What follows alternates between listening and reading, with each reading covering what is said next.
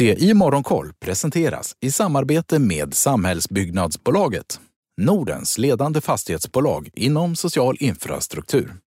Den 23 februari släpper SBB sin bokslutskommuniké för 2021. Läs mer på sajten sbbnorden.se.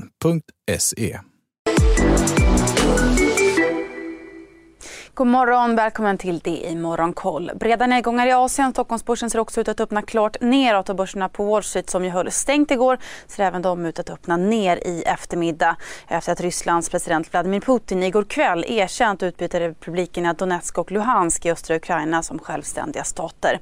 Putin beordrade därefter rysk militär att genomföra vad man kallar för en fredsbevarande insats och kommer enligt eh, en överenskommelse med separatisterna bygga militärbaser i regionen. Händelsen har fördömts av en rad världsledare. Sveriges utrikesminister Ann Linde skrev på Twitter igår att det är ett flagrant brott mot internationell lag och Minskavtalet. Och både EU och USA har utlovat sanktioner mot Ryssland.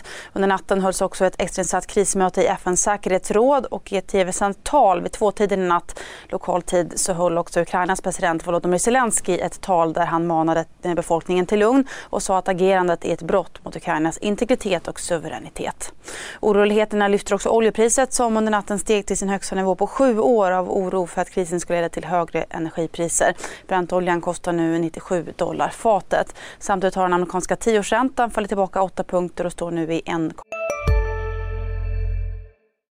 I de sekunderna när jag är i luften så är det en kamp på liv och död. I Spotlights serie Vinnarskallarna minns stjärnorna själva de dramatiska svenska sportögonblicken.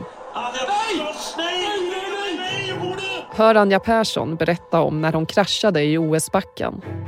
Men reste sig igen. Jag ville vinna över berget. Vinnarskallarna. Nytt avsnitt varje fredag. Sök efter podden Spotlight. 86 procent.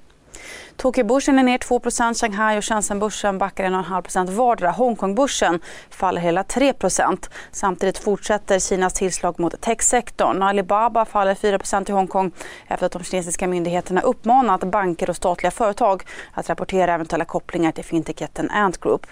Och så vidare till Sverige där nu teckningskursen i Stillfront företrädesemission som offentliggjordes i samband med förvärvet av Hongkongbaserade Six Waves fastställs till 17 kronor per aktie vilket innebär att Stillfront tillförs cirka 2 miljarder kronor om den fulltecknas.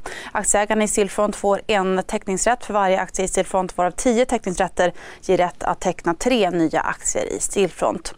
Ett bolag som till hälften ägs av Sinch styrelseordförande Erik Fröberg har köpt 62 300 aktier i Sinch för 44 miljoner kronor. Sinch som ju rasat på börsen efter sin rapport i förra veckan och som är ner över 40 på börsen hittills i år. Idag ser vi fram emot ytterligare ett gäng rapporter från bland annat Catena, Sint, Paradox, Nimbus och SAS. Dessutom får vi tyst IFO-index och preliminära PMI från USA. Missa inte heller Börsmorgon 8.45 eller Börskoll klockan 13.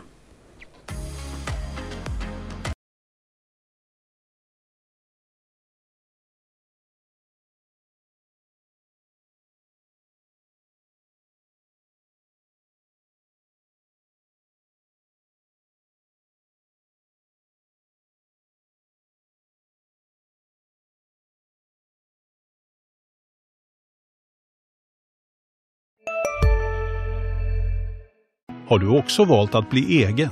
Då är det viktigt att skaffa en bra företagsförsäkring. Hos oss är alla småföretag stora och inga frågor för små. Swedeas företagsförsäkring är anpassad för mindre företag och täcker även sånt som din hemförsäkring inte täcker. Gå in på swedea.se företag och jämför själv. Med en värld i gungning blir det viktigare än någonsin med kunskap och diskussion. Att värna det fria ordet, för livet och demokratin så när du trodde att du visste allt har vi alltid lite till. Privata affärer plus allt. All journalistik du behöver, samlad. Prova en månad gratis